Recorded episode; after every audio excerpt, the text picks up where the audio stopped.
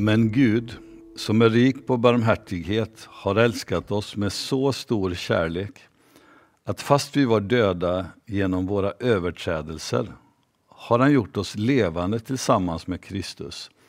Av nåd är ni frälsta. Ty av nåd är ni frälsta genom tron, inte av er själva. Guds gåva är det. Förra söndagen började jag att ta tag i några begrepp som eh, man kan kalla för kyrkiska.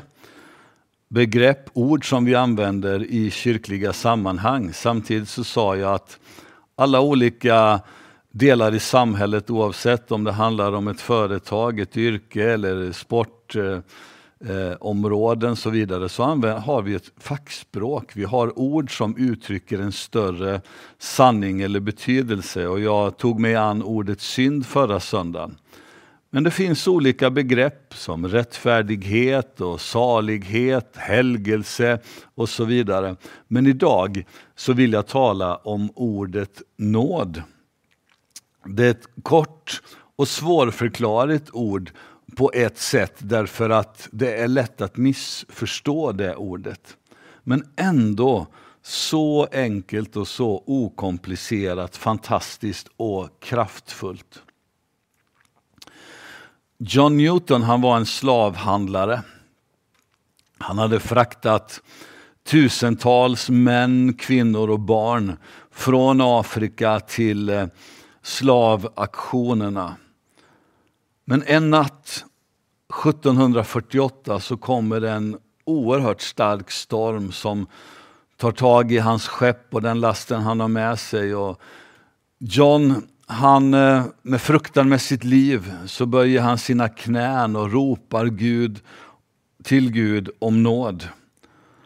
Och det var den kvällen som han fick uppleva att det finns en Gud som lyssnar på bön och svarar på bön, även den värsta människans bön.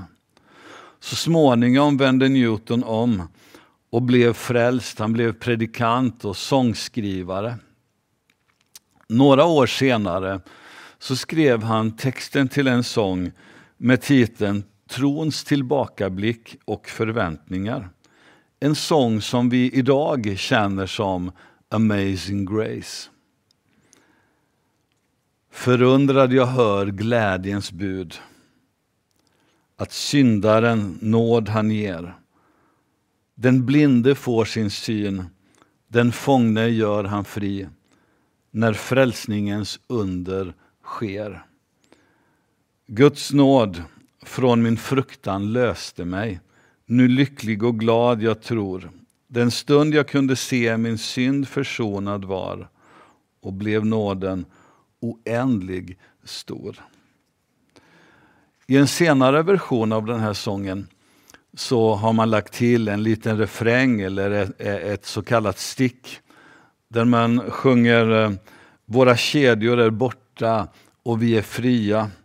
Vi sjunger att Gud, vår frälsare, har befriat oss och att kärleken aldrig kan ta slut. Men jag, säger du, ja, jag tror på Guds nåd, jag förstår eh, att Gud älskar mig, att han är nådefull, men jag ska bara, jag måste göra det här först, jag, jag, jag måste bli lite bättre, jag är inte god nog. Och det är just där vi missförstår och missuppfattar vad Guds nåd handlar om egentligen. Hur vi än strävar och försöker så kan vi inte förtjäna Guds nåd. Slår vi upp ordet nåd och letar efter synonymer så hittar vi flera. Några av dem är förskoning, eftergift, benådning, amnesty, förbarmande, förlåtelse, innerst och godhet. I den här sångens första vers så ser vi ett tydligt exempel på detta. En oändlig nåd räddade oss från vår hopplösa situation. En oändlig nåd gjorde att vi var, eller vi var blinda, men en oändlig nåd gjorde att vi nu kan se. Men Gud kräver ingenting ifrån oss först, utan Gud har älskat oss först. Ordet som jag läste inledningsvis talar just om detta att medan vi ännu var döda genom våra synder och överträdelser så älskade han oss. Ehm, av nåden är vi frälsta. Det finns ett litet ord som ställer till det för oss och det är barmhärtighet. Ibland så likställer vi barmhärtighet med nåd. Men nåden är så mycket större. Barmhärtigheten leder fram till nåden. Barmhärtigheten är det som, som gör att, att, eh, att vi kan känna, åh jag tycker det är synd om den och den, jag måste göra någonting åt det, men vad ska jag göra? Medan nåden är så mycket större. Nåden gör att, att, att Gud gör och har gjort allt för dig och mig. Det är nåden som gör att Gud sträcker sig ner ifrån sin himmel.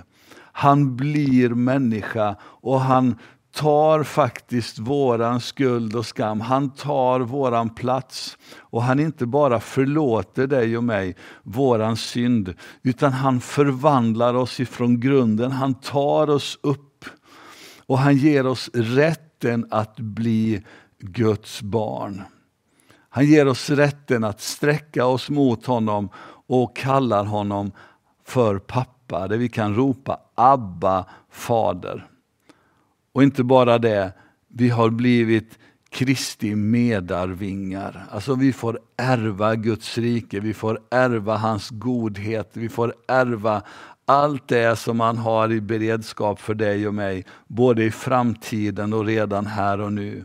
Nåden gör att Gud adopterar in dig och mig i hans rike, i sitt rike. Nåden gör att Gud han omfamnar dig och mig fullt ut utan att du och jag förtjänar det.